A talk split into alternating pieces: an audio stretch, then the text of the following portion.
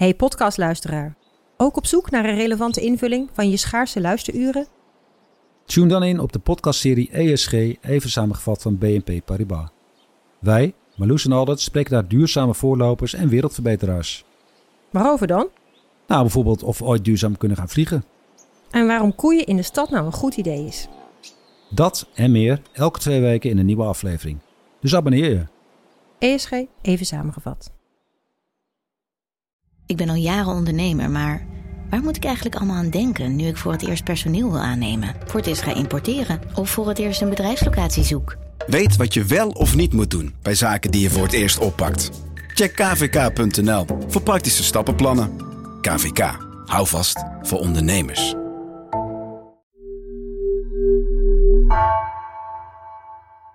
We are go for main engine start, T minus six, five, four, three, two, one.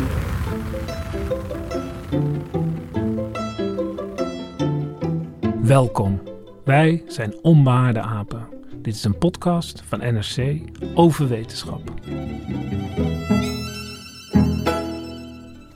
30 jaar is eraan gewerkt. Door honderden wetenschappers over de hele wereld. 10 miljard euro is er al aan uitgegeven. En al tientallen keren is de lancering uitgesteld. En nu is het zover. Aanstaande vrijdag wordt de James Webb ruimtetelescoop op een Europese raket vanuit Frans-Guyana de ruimte ingeschoten. Wat kan die telescoop? Waarom heeft het zo lang geduurd? En wat staat er daarna allemaal te gebeuren? Wat gaan we allemaal te weten komen dankzij de James Webb Space Telescope? Mijn naam is Hendrik Spiering en vandaag zit ik in de studio met wetenschapsjournalist en kenner van de ruimtevaart Laura Bergsoef. Hallo. Nou, laten we maar bij het begin beginnen. Hoe gespannen ben je, Laura? Ik vind het super spannend. Ik ga ook wel kijken bij de lancering Ja, vrijdag. want wanneer is het en hoe laat? Aanstaande vrijdag en Nederlandse tijd 1 uur in de middag. Oké, en op internet op NASA-televisie denk Ja, ik. naast de tv hebben ze een livestream en daarvoor en tijdens en daarna kan je van alles bekijken. Ik deel jouw enthousiasme. We zijn er heel enthousiast over. Maar heel veel mensen denken, ja, ruimtetelescoop, eh, hoezo? Wat is een ruimtetelescoop? Een ruimtetelescoop gaat dus buiten de atmosfeer van de aarde kijken naar het heelal. Want de aardatmosfeer blokkeert het licht wat van de ruimte komt. Dus daarom staan ook heel veel telescopen op bergen, dat je daar minder last van hebt. Maar de volgende stap is dus naar de ruimte. Dus we hebben zo'n ruimtetelescoop geeft beter zicht op de sterren en de nevels en de planeten die allemaal om ons heen zitten. Klopt. Maar wat maakt deze telescoop dan zo opwindend dat jij vrijdag om één uur trillend als een, als een iep voor de, te- voor de televisie gaat zitten? En ik misschien ook wel trouwens. Ja, met deze ruimtetelescoop gaan we heel ver terugkijken in de tijd. 13 miljard jaar. Dus dat is toen de eerste sterren en de eerste sterrenstelsels ontstonden. Zo ver terug zijn we nog nooit geweest. En daarnaast is het ook de krachtigste ruimtetelescoop en de grootste ooit. Dat betekent dus dat we dichter bij de Big Bang komen. Dat, dat grote mysterie van wat daar nu precies is gebeurd. Dat we niet alleen maar theorieën hebben, dat we ook kunnen kijken of die theorieën kloppen. Ja, de oerknal die was zo'n eh, 14 miljard jaar geleden, iets minder. En toen was alles nog heel compact. Dus licht kon nog niet door al dat gas wat toen heel dicht op elkaar zat heen reizen. En iets daarna ontstonden dus de eerste sterren en sterrenstelsels uit dat gas. Ja, En dan er- ging het licht aan eigenlijk. Ja, dat is mooi gezegd. En naar die fase gaan we kijken. En waarom is dat belangrijk? dan snappen we veel beter hoe eh, het universum zich ontwikkeld heeft en ehm, hoe sterrenstelsels ontstaan en waar ze allemaal terechtkomen en hoe snel dat allemaal gaat. Ja, dat zijn de grote dingen van de wetenschap. Waar komen we vandaan? Hoe is het ooit allemaal begonnen? Dat grote mysterie. Daar komen we later nog op terug. Ja. Maar nu gaan we het eerst hebben over...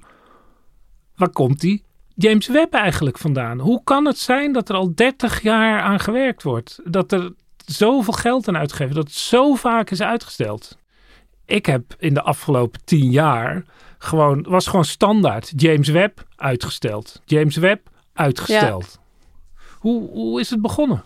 Eh, ja, Hubble, de voorganger van eh, James Webb, werd gelanceerd in 1990. We are go for main engine start, T minus six, five, four, three, two, one, and liftoff of the Space Shuttle Discovery with the Hubble Space Telescope, our window on the universe. En die heeft al heel veel grootste dingen betekend voor de astronomie. Bijvoorbeeld hoe oud het heelal nu eigenlijk is. En dat er enorme zwarte gaten in sterrenstelsels zitten.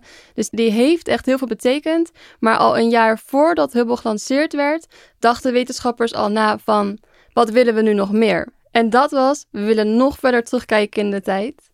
Alleen daar heb je hele andere instrumenten voor nodig. Een heel ander soort telescoop. Ja, want de Hubble, want jij hebt het nu over dat we dit ontdekt hebben en dat ontdekt. Maar de meeste mensen kennen Hubble gewoon van de prachtige platen. Ja. Die altijd eh, op kalenders worden afgedrukt en op eh, we- webpagina's. Die schitterende kleuren en die gaswolken. Ja. ja, het heeft het diepe heelal echt een gezicht gegeven, Ja. Hubble. En gaat Webb ook zulke foto's maken? Ja, ook zeker. Maar wat James Webb gaat doen is gewoon knapper. Dus als in nog verder terugkijken in de tijd.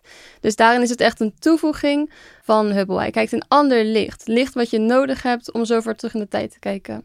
En wat voor licht is dat dan? Infrarood licht. Aha. En waarom infrarood? Licht heeft tijd nodig om te reizen richting ons. Dus als wij vanuit de aarde diep in het heelal om ons heen kijken, dan kijken we ook ver terug in de tijd. Ja, dus zoals we wij kijken naar de zon, dat moet je nooit rechtstreeks doen. Ja. En het, het licht van de zon doet er al acht minuten over Klopt. voordat het hier is. Dus als je kijkt naar iets wat ver buiten ons eh, sterrenstelsel is, bijvoorbeeld iets op 2 miljoen lichtjaar, dan is dat licht 2 miljoen lichtjaar onderweg. En we ontvangen dus ook licht wat uit is gezonden bij de kort na de oerknal, of in ieder geval in die eerste miljarden jaren. Ja, En dat, dat bereikt ons nu pas. Klopt. Dat is natuurlijk absurd. Ja, dat vind ik ook altijd heel erg cool. Alleen als het licht zo lang erover heeft gedaan, dan krijg je te maken met het uitdijende heelal. Want het heelal dijt uit. En ehm, het licht wordt uitgezonden met een bepaalde frequentie. Dus je hebt een um, pulsje en dan weer een pauze en dan weer een pulsje. Alleen als het heelal uitdijt, dan wordt die tussenpauze wordt ook steeds langer. Ja, want dat licht begint in een kleine ruimte, bij wijze van spreken. En dat, die ruimte, terwijl het door de ruimte reist, wordt die ruimte zelf, dus niet, niet de muren van de kamer, bij wijze van spreken, worden beveiligd, maar de ruimte zelf, de abstracte ruimte, die wordt uitgerekt. Dat kunnen we ons Klopt. bijna niet voorstellen. Nee, natuurlijk. klopt. En met de zon hebben we daar dus niet zoveel last van. Alleen licht waar we, wat er miljarden jaren over heeft gedaan om ons te bereiken, daar zie je dat effect wel. En dus dat hele felle, kortgolvige licht van die oeroude sterren, dat is inmiddels helemaal uitgestrekt tot infrarood. En infrarood is heel lastig om uh, te zien, want het is wat zwakker. En zoals we al zeiden, wij stralen het ook zelf uit. Het is een beetje als zoeken uh, naar een speld in een hooiberg. Dus vandaar dat het zo'n uitdaging is en dat we dit ook nog nooit eerder hebben gedaan. En Hubble was een telescoop, dat was al heel indrukwekkend. Uh, twee meter uh, zoveel uh, spiegel. Ja. En ja, al heel hoog buiten de aarde. Maar dat was dus niet genoeg voor, voor James Webb. Nee, het was niet genoeg. Nee, de James Webb spiegel is bijna drie keer zo groot. 6,4 meter in breedte. Die grote spiegel heb je nodig om veel uh, licht op te kunnen vangen, omdat het zo zwak is, dat ja. signaal. Dan moet hij dus vervolgens ver van de aarde om interferentie, om verstoring door, ja. door onze warmte. Ja. Uh, het, het, is natuurlijk niet zoveel, maar dat is al genoeg. Ja, dat klopt. Als jij uh, dus naar sterren wilt kijken, die zijn wat zwakker, dan moet je ook niet in een stad gaan staan met uh, heel veel lampen om je heen. Dan ga je een donker plekje opzoeken. Hetzelfde geldt dus voor de telescoop. Je wilt dus ver van de aarde, ver van de zon, ver van de maan, alles wat infrarood uitstraalt, wilt eigenlijk ver vandaan zijn, zodat die, die hele zwakke infraroodzignalen van vroeger kan opvangen. Dus daarom gaat die anderhalf miljoen kilometer van de aarde. En die afstand is ook niet helemaal willekeurig, want op die plek Um, heb je net genoeg aantrekkingskracht van de zon en van de aarde, dat, zodat de telescoop in lijn blijft met de aarde. Ah, ja. Dus dan hebben wij een goede communicatieverbinding. En dat is, dat is zo'n Lagrange point. Klopt, ja. En dan is er dus nog een maatregel die ze hebben moeten nemen. Ja, dus dat is nog een extra zonnescherm. En uh, dus bijvoorbeeld Hubble, die zou dan niet een zonnescherm, zowel in de aarde als de maan, uh, als de zon kunnen houden. En op dit punt, daar kan um, James Webb continu een heel groot zonnescherm van ongeveer een tennisbaan, ongeveer 20 bij 20 meter, uh, dus richting de aarde, de zon en de maan gericht houden, zonder dat het dan hoeft te draaien. En dat zonnescherm was ook heel erg moeilijk om te ontwerpen. Want ten eerste, ik noemde al, hij is bizar groot. En dat past natuurlijk nooit in een raket. Dus je moet dat opvouwen. En volgens in de ruimte moet je dat weer kunnen ontvouwen. Ja, want die Hubble, dat was gewoon een soort, soort tunnel. Een Ja. buis. En daar zat alles in. Ja, En die werd gewoon in de Space Shuttle gezet. Ja. Nou, er was misschien iets meer ruimte dan in een eh, conventionele raket. Maar ook weer niet zoveel. Dus dat ging. En dan zet je hem naar buiten. Je, je zet hem aan en hij doet het. ja, Maar dit is dus, moet dus op die Ariane-raket van eh, de Europese ruimtevaartorganisatie staan. Nou, hoe groot is dat? Dat is vier meter op zijn hoogst en dan Ja, breed. En dan, ja, daar moet dan alles in. Hoe kan je daar een tennisbaan en een, een, een spiegel van zes meter in, eh, in krijgen? ja, en ook nog zonnepanelen.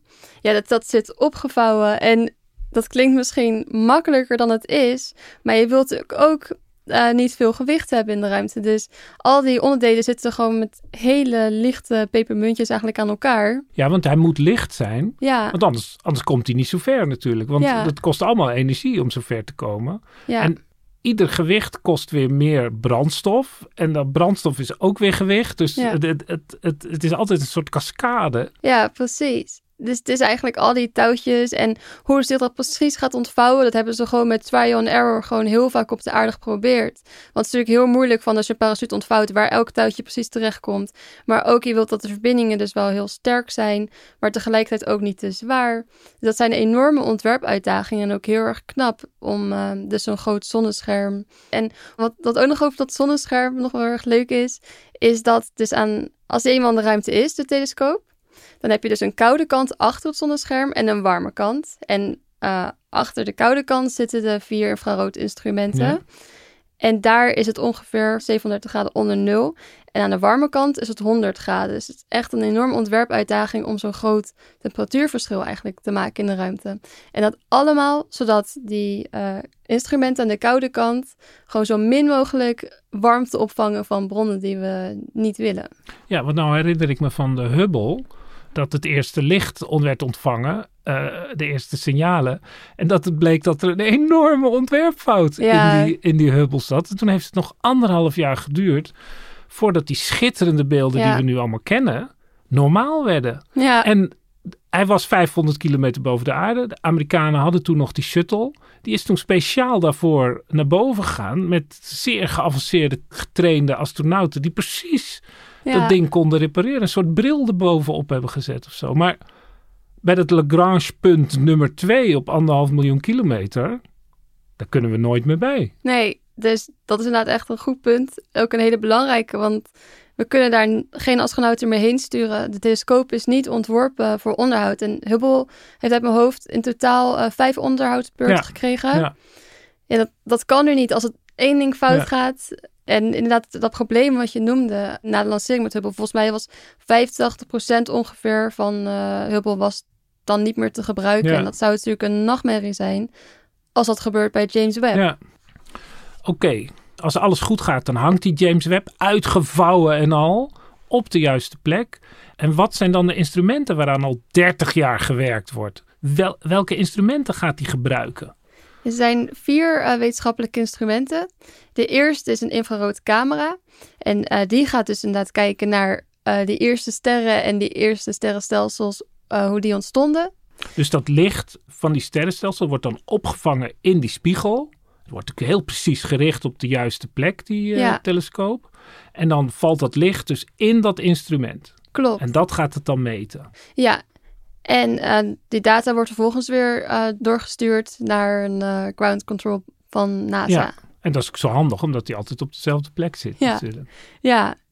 En de tweede is een infrarood spectrometer. En wat je daarmee doet, is ehm, die vangt dus ook het infrarode licht op, maar die kijkt vervolgens hoeveel van het licht zat in dit deel van het infrarode licht en hoeveel zat daarin. Ja, er wordt in feite een soort regenboog van gemaakt. Er wordt Ja. er- en dan wordt er gekeken uit welke verschillende soorten infraroodlicht bestaat het. Ja, precies. Want dat zegt dan bijvoorbeeld iets over de samenstelling van een object. Afhankelijk welke chemische elementen eh, er in de atmosfeer van de exoplaneet bijvoorbeeld zitten.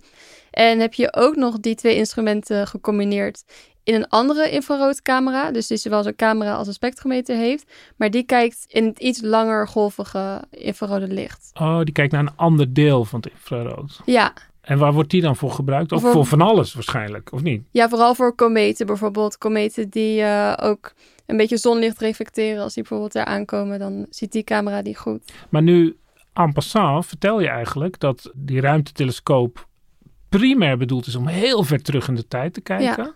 Maar dat als dat ding er eenmaal hangt, gaan we er natuurlijk ook mee naar kometen kijken, die natuurlijk Ja. per definitie vlakbij zijn. Ja, ook in het eigen zonnestelsel gaan we naar dingen kijken. Ja, Ja. maar dat is dan, dat is dan zo'n secundaire doel eigenlijk. Ja, het is natuurlijk gewoon prachtig dat we zo'n nieuwe telescoop hebben die zo gevoelig is, zo krachtig is.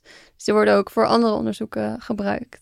Maar dan zei je dat er vier instrumenten waren. Ja. We hebben dus de gewone camera, die, die in feite foto's gaat maken in het infrarood. En dat wordt dan door de NASA natuurlijk prachtig Ja. teruggewerkt. En allemaal schitterende foto's die we gewoon in het normale licht Ja. zien, ongetwijfeld. En dan hebben we die spectrometer, die dus kijkt welke stoffen in het, het sporen in het licht achterlaten. Die regenboogmaker in feite. En dan heb je dus nog een aparte camera die dat allemaal een beetje combineert in een ander deel van het eh, infrarood. Maar wat is de vierde?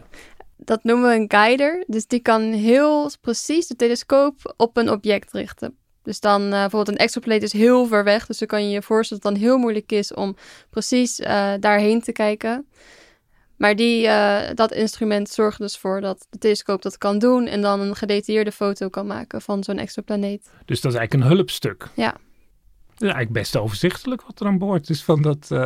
er zitten natuurlijk ook allemaal zenders en, en, en computers en correctiemechanismes en van alles zit erin natuurlijk. En wat ook nog wel belangrijk is om te noemen is dat eh, het zijn dus allemaal infraroodinstrumenten. Dus dat hadden we nooit op de aarde kunnen doen. Want de atmosfeer blokkeert het infrarode licht wat vanuit de ruimte naar ons toe komt. Dus daarom wil je die buiten de aardatmosfeer hebben. Nee, dus alleen de warmte van de zon die met al zijn massiviteit die, die beukt Ja. hier eh, door de atmosfeer, maar verder Ja. niet. Heel veel ehm, licht, heel veel kleuren waar we in willen kijken worden gewoon geblokkeerd door moleculen in de lucht. Maar goed, Laura, zijn dat dan allemaal oude instrumenten? Want die instrumenten die zijn dus 30 jaar geleden zijn die ontworpen. Ja, 30 jaar geleden begon het nadenken. En in 2004 begon de bouw. En Nederland heeft een belangrijke eh, bijdrage geleverd. Die heeft meegebouwd aan die eh, spectrometer. En die was, al, eh, die was al lang klaar. Echt al jaren was Ja, ja dus dat, dat, dat is wel interessant om te zien hoe complex zo'n zo'n project is. Want ja, nu zouden we natuurlijk nog veel betere spectrometers kunnen maken. Alleen al omdat de chiptechnieken beter zijn en omdat Ja. er natuurlijk van alles is. Maar dan, ja, dan past het allemaal niet meer in dat, in dat precieze ontwerp natuurlijk. Ja, alles is echt met een enorme precisie op elkaar afgesteld. Oké, het is allemaal heel complex. Maar ik vind 30 jaar is wel erg lang. Ja. Waarom is het zo vaak uitgesteld? Wat hadden ze ruzie? Eh, konden ze het niet? Ja, meerdere redenen. Het eerste is sowieso dat het ontwerp gewoon heel lastig is. Dus daar kwamen allemaal complicaties bij kijken. Dus wat Met ik dat vouwen van die spiegelen. Ja, ja, dat hadden we nog niet eerder op deze schaal gedaan. Dus dat duurde gewoon allemaal langer dan verwacht. En heel belangrijk, het werd ook veel duurder dan verwacht. Want NASA zou de telescoop eigenlijk bouwen voor 1,6 miljard euro. Maar zoals je in het begin al zei, dat is inmiddels bijna 10 miljard euro geworden.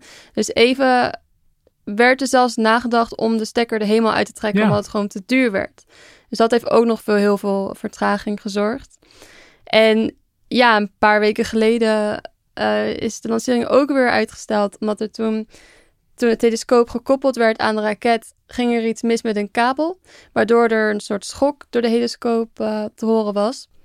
Dus ja, Verschrikkelijk. ja, ingenieurs waren natuurlijk bang dat er misschien schade was aangericht. Ja. Dus echt tot het laatste moment, tot nu toe dan, eh, zijn er problemen. Oké.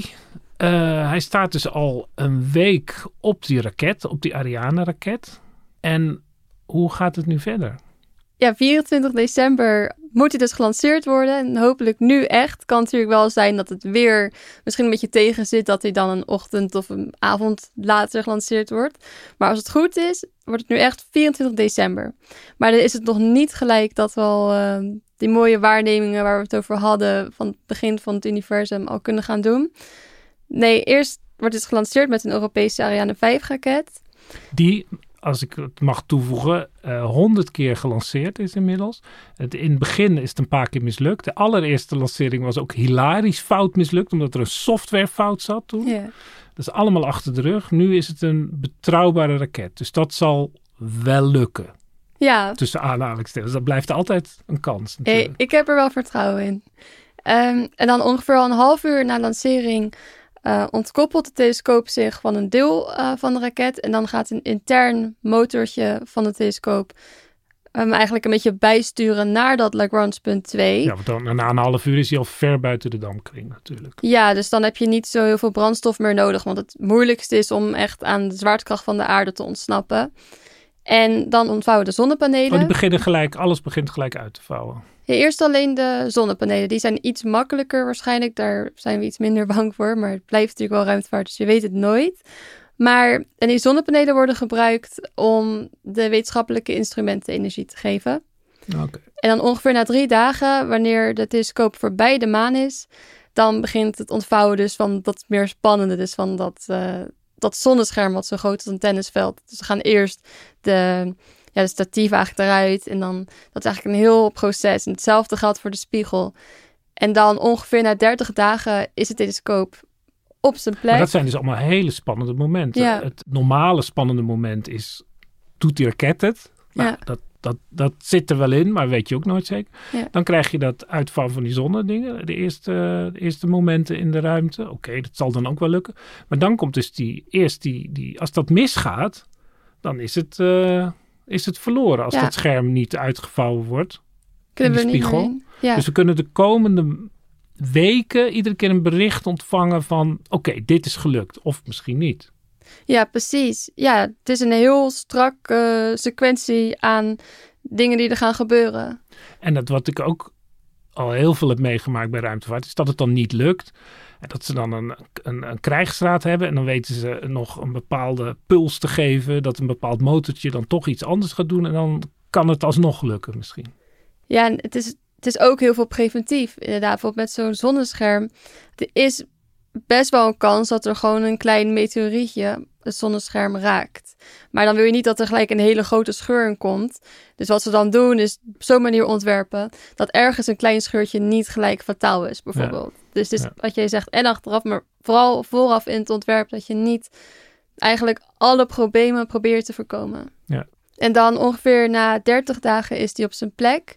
En dan moet hij nog een half jaar nog afkoelen en ehm, kalibreren. Dan gaan ze al die instrumenten goed eh, afstellen. bedoel? Ja, eh, ja, en hij moet dus heel ver afkoelen. Dus tot 237 graden onder nul. En dan pas, dus, eh dus 24 december is de lancering. En dan een half jaar later, als alles goed is gegaan, dan pas kunnen we de wetenschappelijke experimenten worden uitgevoerd. En eh, is al bekend wie het eerste aan de knoppen mag zitten van die eh, telescoop? Ja, de, de onderzoeksvoorstellen zijn al heel lang geleden ingediend.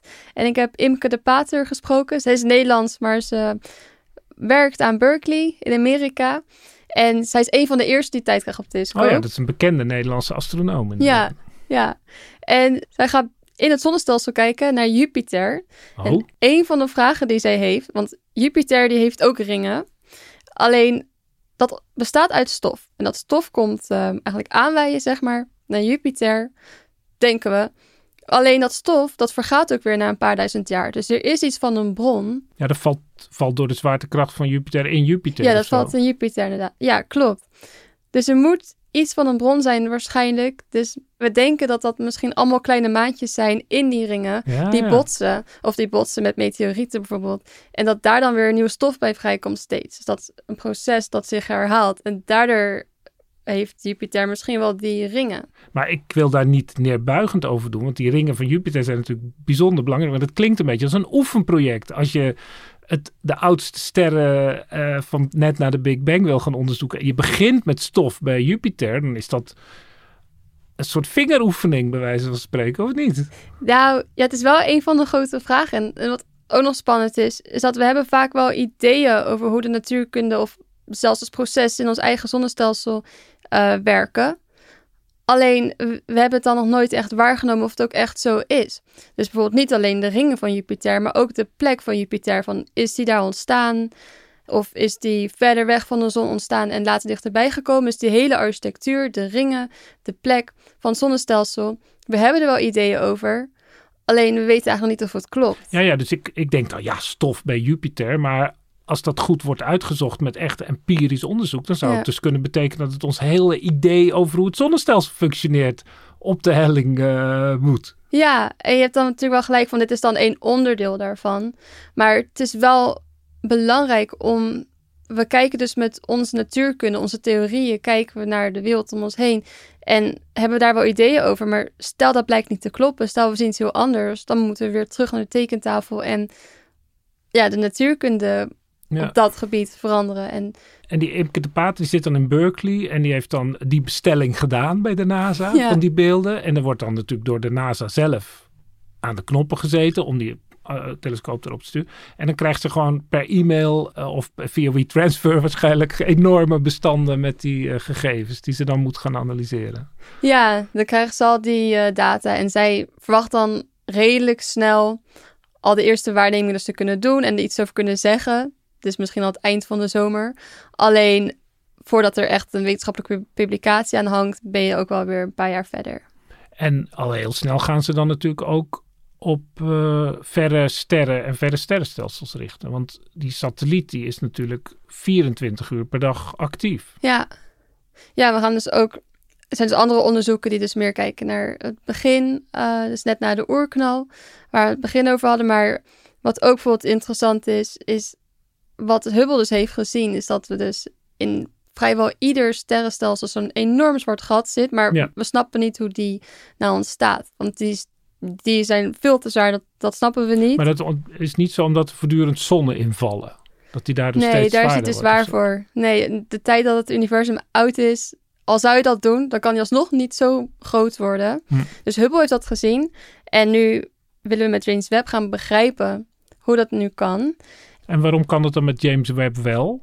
Omdat die gedetailleerder kan kijken. En bijvoorbeeld, eh, je hebt quasars. Dat zijn, dat zijn hele felle objecten aan de hemel. En we snappen niet precies wat het is. En we denken dat er dus ook zo'n enorm zwart gat eh, in het midden zit. En er is een andere satelliet en die gaat die eigenlijk verzamelen. Dat heet dan een survey-telescoop. En genomen in Leiden onder andere, die gaan dan inzoomen op zo'n quasar met James Webb. Dus eerst gaat de Euclid-telescoop gaat ze verzamelen. Eigenlijk meer een soort lijstjes, echt zo'n Ah, survey ja, maken. Gewoon een kaart eigenlijk. Ja, en dan vervolgens gaan de astronomen in Leiden dus inzoomen met die James Webb telescoop. En die proberen dan meer erachter te komen van, oké, hoe ontstaan die superzware zwarte gaten dan? En kan dat dan ook beter met infrarood? Ja, met infrarood kan je ehm, ook bijvoorbeeld door gaswolken heen gaan. Oh Dat, ja, dat ehm, is natuurlijk wel belangrijk. Want om zo'n zwart gat zit altijd een hoop eh, los gas. Wat eh, op weg is naar eh, het midden natuurlijk. Ja, en Hubble, volgens mij had je het daar aan het begin over. Dus die foto's van die hele mooie sterrennevels. Dat is ook waar sterren en planeten uit ontstaan. En die, die plaatjes waren natuurlijk prachtig. Maar we willen eigenlijk ook daarin kijken. Dat is wel heel grappig. Wat iedereen dus zeg maar in grote posters op zijn slaapkamer heeft. Bij wijze van spreken. Astronomen kijken ernaar en denken, ja wat hebben we eraan? We willen in die gaswolk Ja, dat is de volgende stap. En dat kan James Webb telescoop. Dus omdat hij een ander licht kijkt, wat daar dus wel doorheen komt. Dus we begonnen met die opwinding van dat we dus de oudste sterren kunnen zien. Maar je somt nu eigenlijk al allerlei in het zonnestelsel met Ja. de quasars. Dus die, die, die- we gaan ontzettend veel plezier van die James Webb hebben. Als die het overleeft. Als hij het overleeft. Nou, Laura, het wordt dus bijzonder spannend voor eh, liefhebbers van de ruimtevaart. De dag voor kerst. En eh, misschien wordt die ook weer uitgesteld. Dus dan loopt de spanning nog verder op. En we gaan het allemaal meemaken. En ik reken erop dat jij erover zal schrijven. Maar ik denk dus dat over een half jaar, als de James Webb-telescoop helemaal in goede staat is, als alles goed gegaan is, dan komen natuurlijk de eerste foto's. En dat is natuurlijk niet van stof bij Jupiter of diepe plaatjes met hele kleine puntjes waarin astronomen enorm opgewonden worden omdat dat de oudste sterren zijn. Nee, dat zal natuurlijk weer een prachtige plaat worden die op iedere kalender kan worden afgedrukt en op de voorpagina van de New York Times eh, zal komen en misschien ook wel bij ons. Die prachtige anseneringen van de NASA van wetenschap. Daar wordt ook wel eens spottend over gedaan, maar dat is natuurlijk toch ook altijd wel weer bijzonder indrukwekkend. Nou, dan rest mij jou te bedanken, Laura. En Ook dank aan Rosa van Toledo en Mila Marie Bleeksma, die de productie van deze onbehaarde apenaflevering voor hun rekening hebben genomen. En tot slot, met veel plezier dank ik ook het Dudok kwartet, het strijkkwartet wat onze tune heeft opgenomen. Fijne dagen.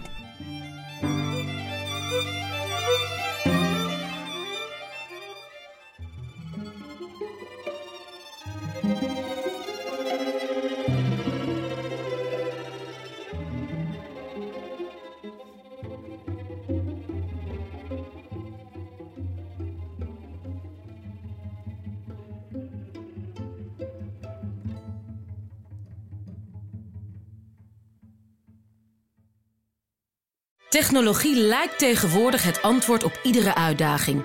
Bij PwC zien we dit anders. Als we de potentie van technologie willen benutten, kunnen we niet zonder een menselijk perspectief. Human-led, tech-powered noemen we dat. Ga naar pwc.nl.